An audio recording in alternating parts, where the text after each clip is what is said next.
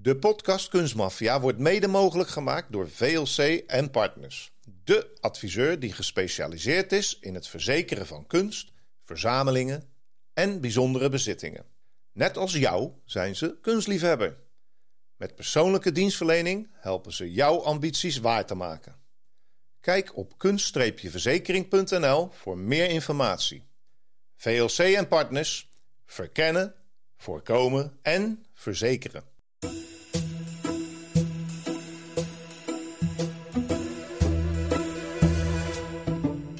Mei 1945. In een Oostenrijkse zoutmijn stuiten geallieerde troepen op de grootste kunstschat ooit. Het zijn de door de nazi's gestolen kunstwerken, afkomstig uit talloze Europese musea en privécollecties. De strijdkrachten roepen de hulp in van kunstexperts om de schatten te identificeren en terug te brengen naar hun rechtmatige eigenaars. In de verzameling van Hermann Göring vinden ze een tot dan toe onbekend schilderij van Johannes Vermeer. Het spoor leidt naar ene Han van Megeren in Amsterdam, die het werk verkocht heeft aan de nazi's voor een recordbedrag. Hij wordt gearresteerd op verdenking van collaboratie, een misdaad waar de doodstraf op staat.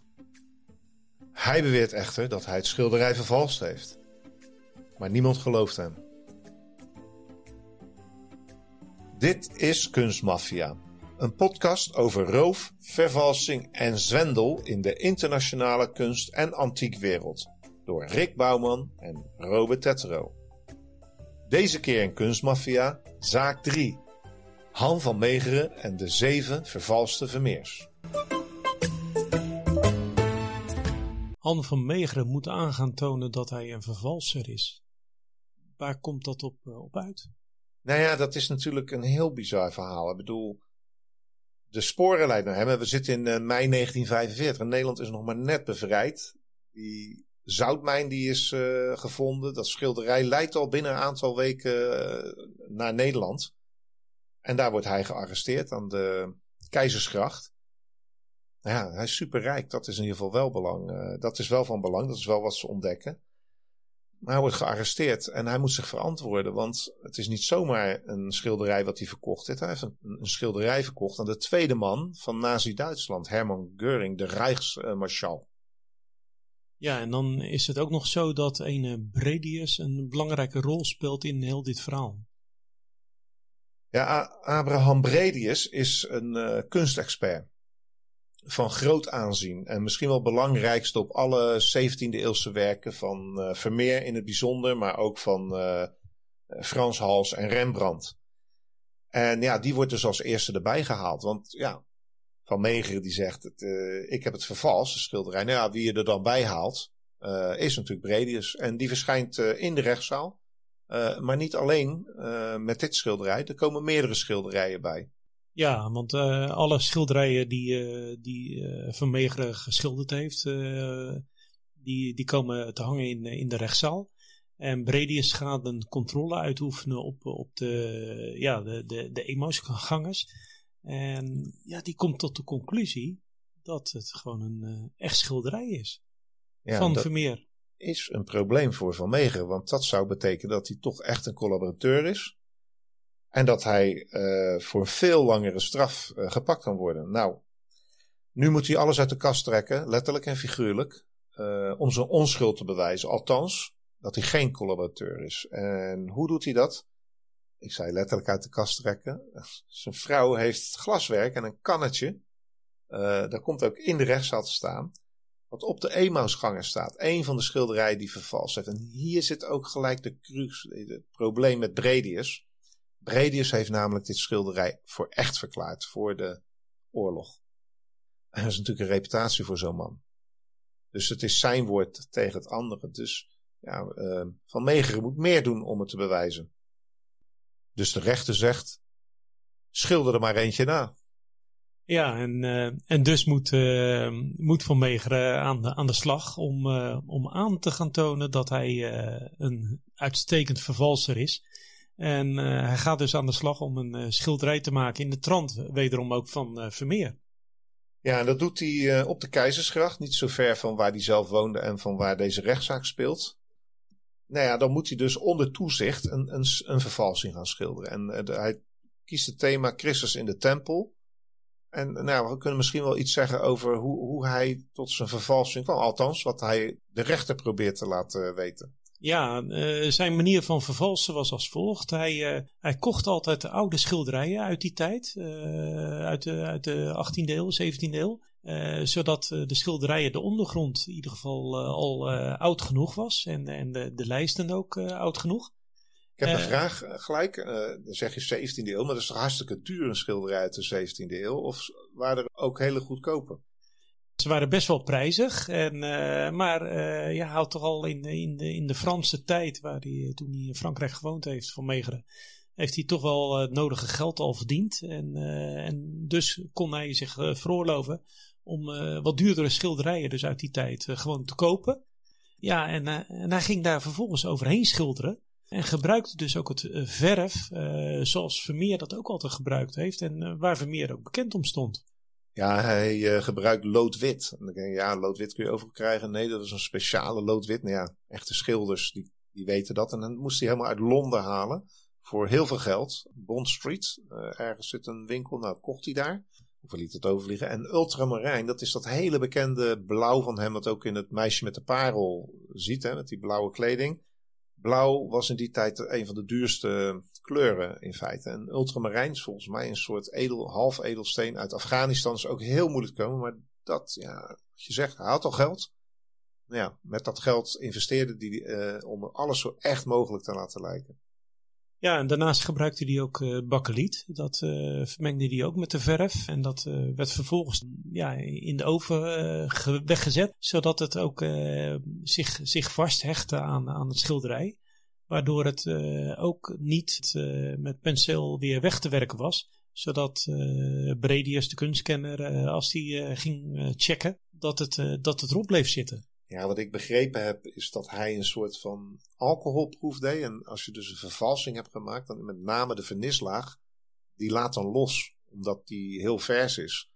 Maar ja, dat had hij niet gebruikt. Hij gebruikte inderdaad dat bakkeliet, dat bakte die erin, waardoor er een soort glanslaag overheen zit. En ja, die brede zijn, nou, de proef is doorstaan. Dit is echte vernis van 17e eeuw. Maar ja. En natuurlijk, zijn, zijn reputatie was zo groot dat hij ook niet ja, weet je, daar kun je, kun je uh, overdenken. Dat hij dacht van Radius, het was zijn reputatie tegen de reputatie van. en, en, en het, uh, de gevangenisstraf van, van Megeren. Ja, van Megeren heeft uiteindelijk ooit een keer Radius geprobeerd te bedonderen, natuurlijk, met dit uh, schilderij. En het lukte hem hier, alleen het werd wel gevaarlijk, want als hij veroordeeld wordt voor collaboratie, ja, dat, dat wil je ook weer niet. Ja, want uh, de Emausgangers is natuurlijk destijds al uh, verkocht voor de oorlog in, ja. in 1937. dat heeft, daar heeft hij toen, wat jij zegt, ook uh, Bredius eigenlijk voor misbruikt, om het zo maar te zeggen. Ja, En ja, die is als tussenschakel heeft hij gefungeerd richting het Boijmansmuseum. Want daar is het schilderij uiteindelijk beland en, en aanverkocht. voor een bedrag van ja, rond 600.000 gulden. Ja. ja, wat nu, nu miljoenen zou zijn. Precies. En, dat is volgens uh, mij een van de duurste schilderijen ooit aangekocht in die periode ook. Ja, en uh, nou ja, Bredius heeft daar een rol in vervuld destijds. En uh, ja, dat, dat, was voor Van Meegeren natuurlijk al een, al een overwinning op zich. Ja, het verhaal ging een beetje dat die Bredius, dat was dus ook een kunstcriticus. En die heeft hem eigenlijk een beetje tot het bot vernederd. door te zeggen dat het werk van Van Meegen, zijn echte werk, zijn eigen werk, gewoon goedkoop was, imitatie, uh, nou ja, niet vlijend in ieder geval. En hij min of meer ook, ja, misschien wel zijn toekomst een beetje gebroken. En dat zat uh, van Megeren ernstig dwars. Dus die kwam op het lumineuze idee om Bredius voor de oorlog al eigenlijk een uh, nou ja, voor het lapje te houden, zoals je in de oude krant kunt lezen. Door een schilderij te maken in een periode waar Bredius een theorie over had. Ja, en die eh, theorie was dat uh, Vermeer eigenlijk een, een soort uh, zwart gat heeft gehad in, in zijn tijdsperiode. Radius gaf te kennen dat dat door Vermeer opgevuld is met schilderijen die bijbelse vertoningen aangaven. en ja, daar hakte Van Meegeren natuurlijk graag op in. En die, die is daar op ingesprongen door die schilderijen te maken. Ja, want hij imiteerde niet, hè? Nee, nee, hij maakte echt alleen maar schilderijen in de trant van Vermeer. Dus uh, er is geen enkel schilderij gekopieerd, om het zo maar te zeggen. Het waren echt vervalsingen, maar dan wel in de trant van Vermeer. Ja, en had het zo gedaan dat het boek, of artikelen die Bredius hierover had geschreven, precies voldeden aan wat hij geschilderd had. En via een stroomman of een tussenhandelaar werd het aangeboden, ja, zeg maar aan een koper, in dit geval Boymans. Maar Hoijmans zei natuurlijk, ja, we moeten een check laten doen. Dus laten Bredius komen. Nou, Van Meegeren wist dat. Dus Bredius komt, gaat kijken. En die ziet zijn theorie bevestigd. Die zegt, ja, dit is, dit is een echte Vermeer. Is precies zoals ik het gezegd heb. Hij heeft zijn ego gestreeld. Ja, nu is het een probleem. Ja, en in de, in de rechtszaal was dat natuurlijk wel een, uh, wel een dingetje allemaal. Uh, want het ging natuurlijk uh, ook om het schilderij wat, wat aan Geuring verkocht was. En ja, misschien kan jij daar nog iets over vertellen. Ja, kijk, het is, het is 1945. Nederland is net bevrijd. Verschrikkelijke periode. Horrorverhalen, daar, daar hoeven we niet veel over te vertellen.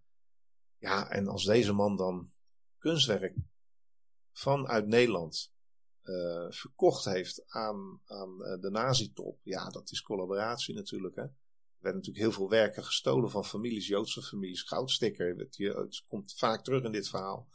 Uh, dus ja, dat stond naar de misdaad natuurlijk. Ja, en, en dat, dat schilderij is dus uh, ja, door keuring uh, gekocht van, van, van Megeren, zonder dat hij dat wist. Want het werd als schilderij natuurlijk als een Vermeer verkocht. Daar gaat nu heel die rechtszaak over. Maar als we nou even terugkijken in de tijd, wie was nou eigenlijk van Megeren? Ja, het was al uh, eind 50 in de tijd dat hij gepakt werd en gearresteerd en in deze rechtszaak staat. Dus uh, hij is geboren ergens in laat 19e eeuw. En als kind is hij eigenlijk al heel erg getalenteerd in tekenen, schilderen, etsen. En een voorkeur voor de oude meesters. Ja, en dat is toch in een periode dat ja, ik ben geen kunstkenner in dat geval, maar de nieuwe stijl en, en, en dat soort uh, groepen die ja, toch moderne kunst gaat merken. Dat was hij inderdaad, uh, liefhebber daarvan. Maar zijn vader had een hele andere mening daarover. Want die vond het maar helemaal niets. Uh, dus hij moest ook naar de technische school toe in eerste instantie. nou, dat heeft hij uiteindelijk niet afgemaakt. Want ja, daar voelde hij gewoon niets voor. Hij was gewoon schilder. Maar zijn vader gaf aan van ja, als jij schilder gaat worden, dan wil ik dat jij strafregels op gaat stellen. Want en dan moet je zeggen van ik ben niets, ik weet niets en ik kan niets. Ja, dat, dat zegt toch wat natuurlijk. Psychologisch dingetje. Als hij betrapt werd op het tekenen en schilderen, dan uh, reageerde zijn vader op deze manier. Ik kan me ook wel voorstellen, zo'n hele strenge ouders in die tijd. Terwijl hij eigenlijk een creatief talent is. Maar ja, als je natuurlijk zo geschoffeerd wordt door je vader en zo wordt neergezet als ik kan, is en ja, sommige mensen krijgen daar een soort anti-opstandigheid tegenover. Dat hij misschien dacht, ik kan alles ik ben alles en ik zal het aantonen ook. En ja, hij gaat wel naar die technische hogeschool. Hij studeert bouwkunde, maar hij maakt het niet af. Het is, hoe zeggen ze dat, bloedstroomt waar het niet gaan kan. Hij gaat toch zijn eigen weg. En nou ja, dat is er redelijk succesvol in, want hij verdient best wel wat geld. Maar hij wordt toch een beetje geridiculiseerd, wat we eerder hebben gezet, door mensen als Bredius. Van, ja, hij is wel getalenteerd, maar het is geen origineel werker. Het is net niet net wat niet. het is enzovoort. Ja, er ontbreekt net iets aan, zeggen ze steeds. En ja, dat zit hem ongelooflijk dwars.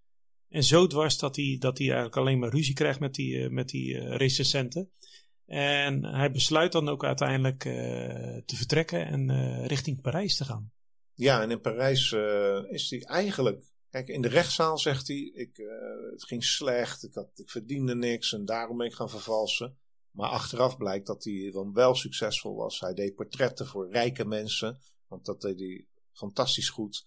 Um, dus hij kon er heel goed van leven. Hij was een van die schilders die gewoon succesvol was. Ja, want ik uh, begreep ook dat hij in Parijs, zeg maar, schilderde hij ook echt portretten van, van Engelsen en Amerikanen die daar, uh, ja. die daar vertoefden. Ja, dat waren natuurlijk wel de lui die ook, uh, ook de centen hadden. Dus wat dat betreft heeft hij in Parijs wel veel verdiend. En hij stond ook goed aangeschreven daar. het zat hem wel dwars dat hij ja, dat aanzien niet, nog steeds niet in Nederland had. Nee, en ik denk dat dan natuurlijk dat hij voelde dat die recensenten en die Bredius en consorten hem natuurlijk ja, zijn carrière eigenlijk onderuit hadden gehaald. Dus daar zat altijd een beetje pijn. Uiteindelijk ja, gaat hij naar, naar Zuid-Frankrijk. Ja, hij gaat door naar Zuid-Frankrijk. En ja, en dan toch, ik, ik heb gekeken tijdens het onderzoek dat ze hier een beetje naar deden. Daar staat dan al een enorme villa. Dat bewijst ook wel dat hij geld had. Maar ja, is dat dan op te brengen van, van portretten en landschapjes? Ik betwijfel het. Dat is ook zo. Hij was eigenlijk al heel vroeg betrokken bij het vervalsen van werk. En de verhalen gaan dat al vanaf de tijd dat hij waarschijnlijk nog in Nederland zat, in de jaren twintig, al volop aan het vervalsen was. En daar uh, succesvol in was. Ja, alleen op één schilderij na. hij had ook een, uh, een, schilderij van Frans Hals. Uh, althans, in de trant van Frans Hals had hij geschilderd. En die was verkocht in Amerika. En uh, daar kwamen ze achter dat er iets aan dat schilderij niet klopte. Hmm, wat hebben ze gevonden dan? Nou, er zaten een paar ja, spijkertjes in die, die niet in de tijd van Frans Hals bestonden. Maar die zaten wel onder de verflaag. maar, maar, die zaten onder de verflaag ja, aan de zijkant van de, van de schilderij. En ja, daar heeft hij toen wel van geleerd, want die heeft hij daarna nooit meer gebruikt. Nee, en, en kijk, maar in die tijd was er wel, had hij al wel een kring om zich heen van ja, een beetje een criminele kring. Die dus die schilderijen voor hem verkocht of, of aan liet bieden in, in andere gebieden valse schilderijen bracht hij op de markt eigenlijk. En, uh, maar hij nooit zelf direct naar de ontvangende partij gegaan. Hij maakte altijd gebruik van stroommannen, zodat hij zijn naam, uh, dat hij nooit verbonden werd met uh, de stukken die hij vervalst had en verkocht had. Nee, en ja, dan zit hij in, in Zuid-Frankrijk en ja, daar begint eigenlijk het, het echte werk, waar hij later zo berucht, beroemd en bekend om geworden is. Ja, want hij gaat daar volop aan de slag met de oude meesters die die vervalt, onder dat stuk van Frans Hals. Maar goed, op een gegeven moment, redenen onbekend, jaren 37 ongeveer, besluit hij toch terug te keren naar Nederland. Ja, ietsje later. In, uh, hij besluit in, uh, in 39 uh, terug te keren. In 37 wordt dan wel al dat schilderij van de Emausgangers, waar we het zojuist over gehad hebben, wordt dan verkocht dus aan, aan Boymans. Met als tussenschakel onze Bredius. En in 39, uh, ja, dan besluit hij toch terug te gaan naar Nederland, vlak voor de oorlog. dat doet hij met een vrachtwagen gevuld met alle schilderijen. Waaronder een, ja, een stuk of vijf schilderijen van Vermeer onder andere. Maar hij komt met de vrachtwagen niet verder dan Straatsburg. Want wat gebeurt er? in Straatsburg arriveert hij met de vrachtwagen en dan blijken de papieren niet in orde te zijn om, om verder te reizen. En dat betekende dat, dat ze een, ja, een, een, maand of vijf die vrachtwagen daar gestald hebben, waar alle schilderijen dus in zaten. Ehm, en na vijf maanden, toen hebben ze een Rijnaak gecharterd. Ja, ja, okay. een Rijnaak gecharterd. En toen zijn alle schilderijen aan boord van de Rijnaak gebracht. En die is, die is doorgevaren daarna naar Rotterdam. En daar kwam onder andere het laatste avondmaal. Was een van die schilderijen die daar toen, toen aangekomen is. Ja, en dat is verkocht aan meneer Beuningen. Een havenbaron, zoals we dat noemen. Nou ja, bekend van Boymans van Beuningen natuurlijk. Maar toen de tijd was het nog Boymans. En Beuningen koopt de schilderij voor 1,3, 1,35, 1,3 miljoen gulden. Dat is echt nog meer dan eigenlijk uh, twee keer zoveel als het schilderij wat aan, uh, aan uh, collega Boymans verkocht is. En dat is zo'n ongekende bedrag. Want nu zou je zeggen, oh ja, anderhalf miljoen. Nee, gaat echt tientallen miljoenen euro's zou dat nu zijn. Dus Van Meegeren wordt rijk in de oorlogsperiode, vlak voor de uitbraak van de oorlog en, en tijdens de oorlog, ja, investeert hij al dit geld in, in Amsterdam. Hè? In, uh, ja, ja, hij investeert enorm. Uh, hij koopt 57 grachtpanden in Amsterdam. Ja, het is bizar voor, voor woorden. Uh, en daarnaast heeft hij ook nog een fantastisch landhuis in, in Laren. Ehm, en dat koopt hij dus inderdaad allemaal met het geld wat hij, wat hij verkregen heeft uit de, uit de verkoop van, van de schilderijen. Want er zijn inmiddels nog wat meer schilderijen verkocht. van Vermeer, althans van hem in de trant van Vermeer. Ja, dus en, Christus Kop is een, een van de voorstudies van een van zijn grotere schilderijen. Van volgens mij het schilderij wat aan Geuring uiteindelijk verkocht wordt in 1942. Dat is het hoofd van de overspelige vrouw volgens mij. En, nou ja, en het, en het stuk aan, aan Geuring gaat voor 1,65 miljoen. Dus ook voor een gigabedrag. Voetwassing. 1,1 miljoen aan het Rijksmuseum 1941. Betaald met het geld van nou ja, Ros van Tonningen. De NSB is aan de macht, dus staatsgeld. Dus, en Zegeningen. Ook nog verkocht. Ja, en zo zijn alle schilderijen uiteindelijk her en der verkocht. voor een bedrag van 7, 8 miljoen gulden bij elkaar. Waar, waar dan Van Meegeren zo'n 5 miljoen aan overhield. Want ja, met het, al die tussenpersonen, die hebben ook nog een aardige cent verdiend. Maar in ieder geval, ja, Van Meegeren was dus schathemeltje rijk in de oorlog al. En heeft daar ook ontzettend veel gebruik van gemaakt met feesten en partijen. Want het zijn beruchte feesten en partijen geweest in Laren, onder andere. En natuurlijk in de grachtenpanden van Amsterdam. Uh, waar uh, lichte dames en, en, zwart, uh, zwarte drank weligtierden. Ja, want hij nodigde natuurlijk iedereen uit, de hele jetset in die periode. Wat eigenlijk natuurlijk vrij bizar is in een periode dat de armoede, de ellende van de oorlog en, en dan ook nog de hongerwinter toeslaat. Ja, dat hij er warmpjes bij zit en met caviar en champagne. Maar dan ja. gaat het toch fout. Hè? En, en ik denk ook op dit punt in de, in de rechtszaak, als we even naar terug gaan en die Brady zit daar en die ziet dan toch wel vijf, zes vermeers binnenkomen. Ik denk dan ja, allemaal zonder een, een duidelijke herkomst. Hè. Provenance is, is het woord daarvoor wat in de kunsthandel gebruikt wordt. En dat geeft eigenlijk aan dat een schilderij, uh, zoals bijvoorbeeld uh, even het melkmeisje of uh, de nachtwacht. De, de nachtwacht is natuurlijk terug te traceren via documenten, de achterkant van de schilderij, aankoop van veilingen. Dat ze eigenlijk weten van familie tot familie hoe dat schilderij tot deze tijd gekomen is. En al die schilderijen missen dat. Ja, ze komen altijd maar terug op één verhaal. Ja, inderdaad. En dat is het verhaal van, uh, van het Nederlandse uh, echtpaar wat uh, in de 19e eeuw vertrokken zou zijn naar, naar Parijs. Naar Frankrijk dus. Ehm, en ehm, later zou uit de boedelscheiding van die familie zouden ineens 80 uh, oude meesterwerken opduiken. Dat is het verhaal dus wat Van Meegeren altijd gebezigd heeft. Dat hij op die manier dus de schilderijen verkregen zou hebben. Waaronder dus de schilderijen van Vermeer en, en Frans Hals. Ja, wat ook wel een beetje meespeelt is natuurlijk de tijd. De oorlog, de verwarring, uh, mensen die afgevoerd worden, families die beroofd worden van hun kunstwerken. Dus als er hier en daar natuurlijk een onbekende meester opdook, dan werd dat ook nog wel. Ik dacht van ja, alles wordt omgekeerd uh, zo ongeveer en gestolen en opnieuw uh, komt in nieuwe handen terecht. Dus wat aanvankelijk niet opviel, maar in deze rechtszaak moest natuurlijk ook Bredius uiteindelijk aangeven: ja, zes, zes schilderijen zonder een duidelijke herkomst, dat is natuurlijk te veel en te toevallig werken van Vermeer zijn al heel zeldzaam van zichzelf. Er zijn er maar een stuk of 30, 32 volgens mij. En ja, natuurlijk dat zevende schilderij, dat was inmiddels af. En dat kwam uh, naar binnen toe. En met dezelfde proef en alles wat ze eerder gedaan hadden, ook hier leek het een echt schilderij. Ja, en het, het leek echt op een echte Vermeer, zoals die andere zes schilderijen daar ook hingen. Dus ja, uh, Van Meegeren toonde op die manier wel aan dat hij in ieder geval een meestervervalser was.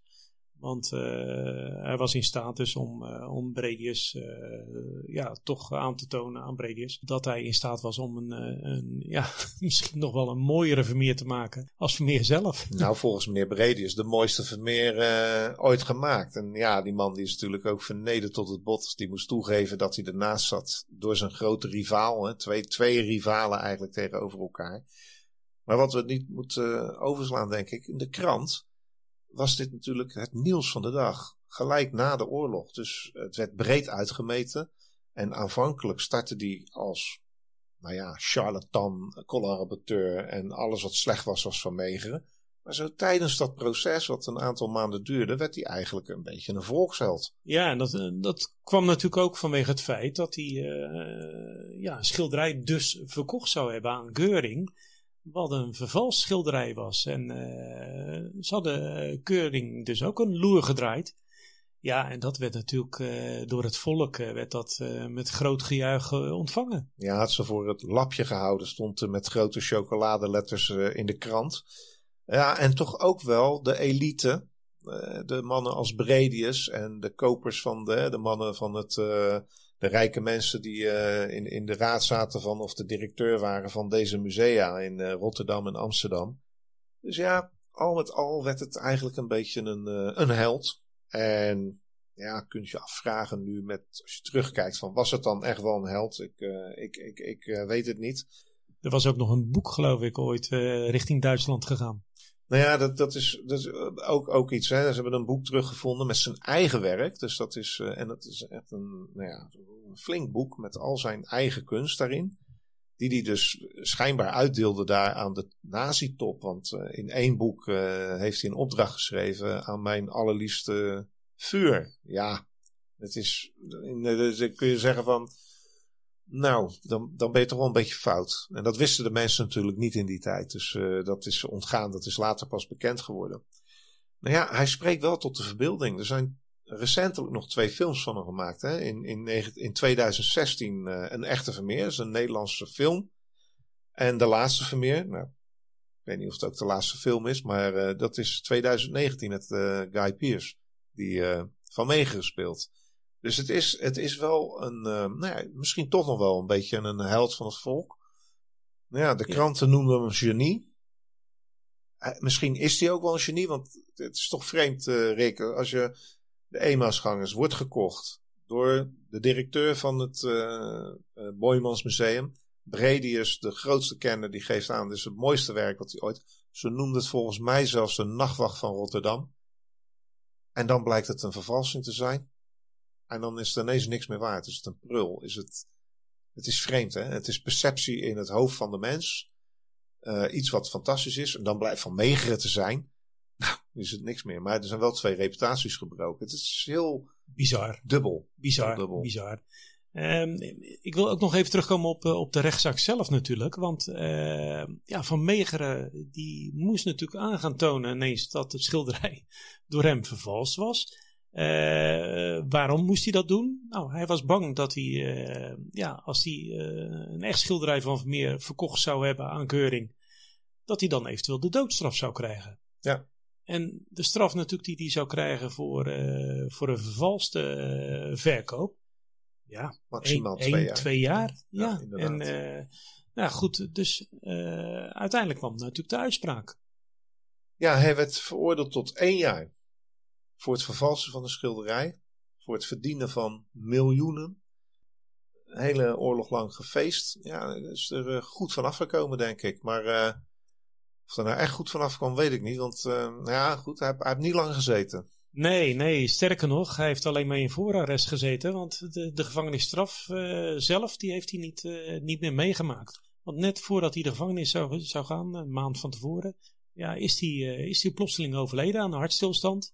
Had natuurlijk veel uh, ja, uh, alcohol, uh, zelfs drugs goed gebruikt. Goed gefeest, flink geleefd. En af moeten kicken in, in voorarrest. Dus, dus ja, dat was allemaal niet, niet goed voor hem. En door een hartaanval is hij is die toen overleden. Maar Robert, kan jij nou aangeven, roem, geld, opportunisme. Wat, wat speelde bij hem, denk jij? Nou, helemaal aan het einde denk ik zo'n hachie. Ik heb gewoon zo'n hachie gered, zoals we dat uh, zeggen. Maar ja, kijk, hij, het, het, is heel dubbel en ik vind het een heel wonderlijk verhaal. Want hij, hij is aanvankelijk voor de roem gegaan. Hij, wilde de, hij dacht ook echt dat hij de grootste kunstenaar ooit was. Dat is niet geworden. Niet op zijn eigen originele werk. Daarna is hij achter het geld aangegaan. Want hij kon fantastische vervalsingen maken. Dus het geld uh, heeft hem gedreven. En daar heeft hij goed van geleefd en hij, hij heeft veel verdiend.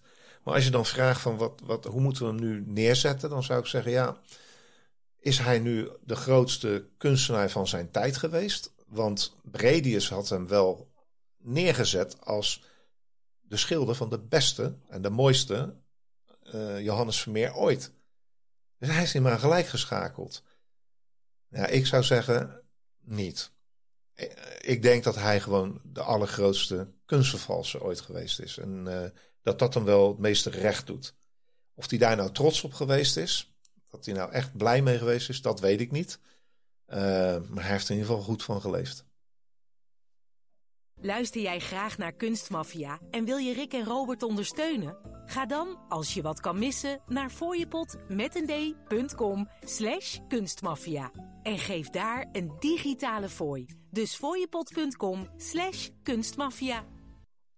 Dit was Kunstmafia, een podcast over roof, vervalsing en zwendel in de internationale kunst- en antiekwereld. Door Rick Bouwman en Robert Tettero.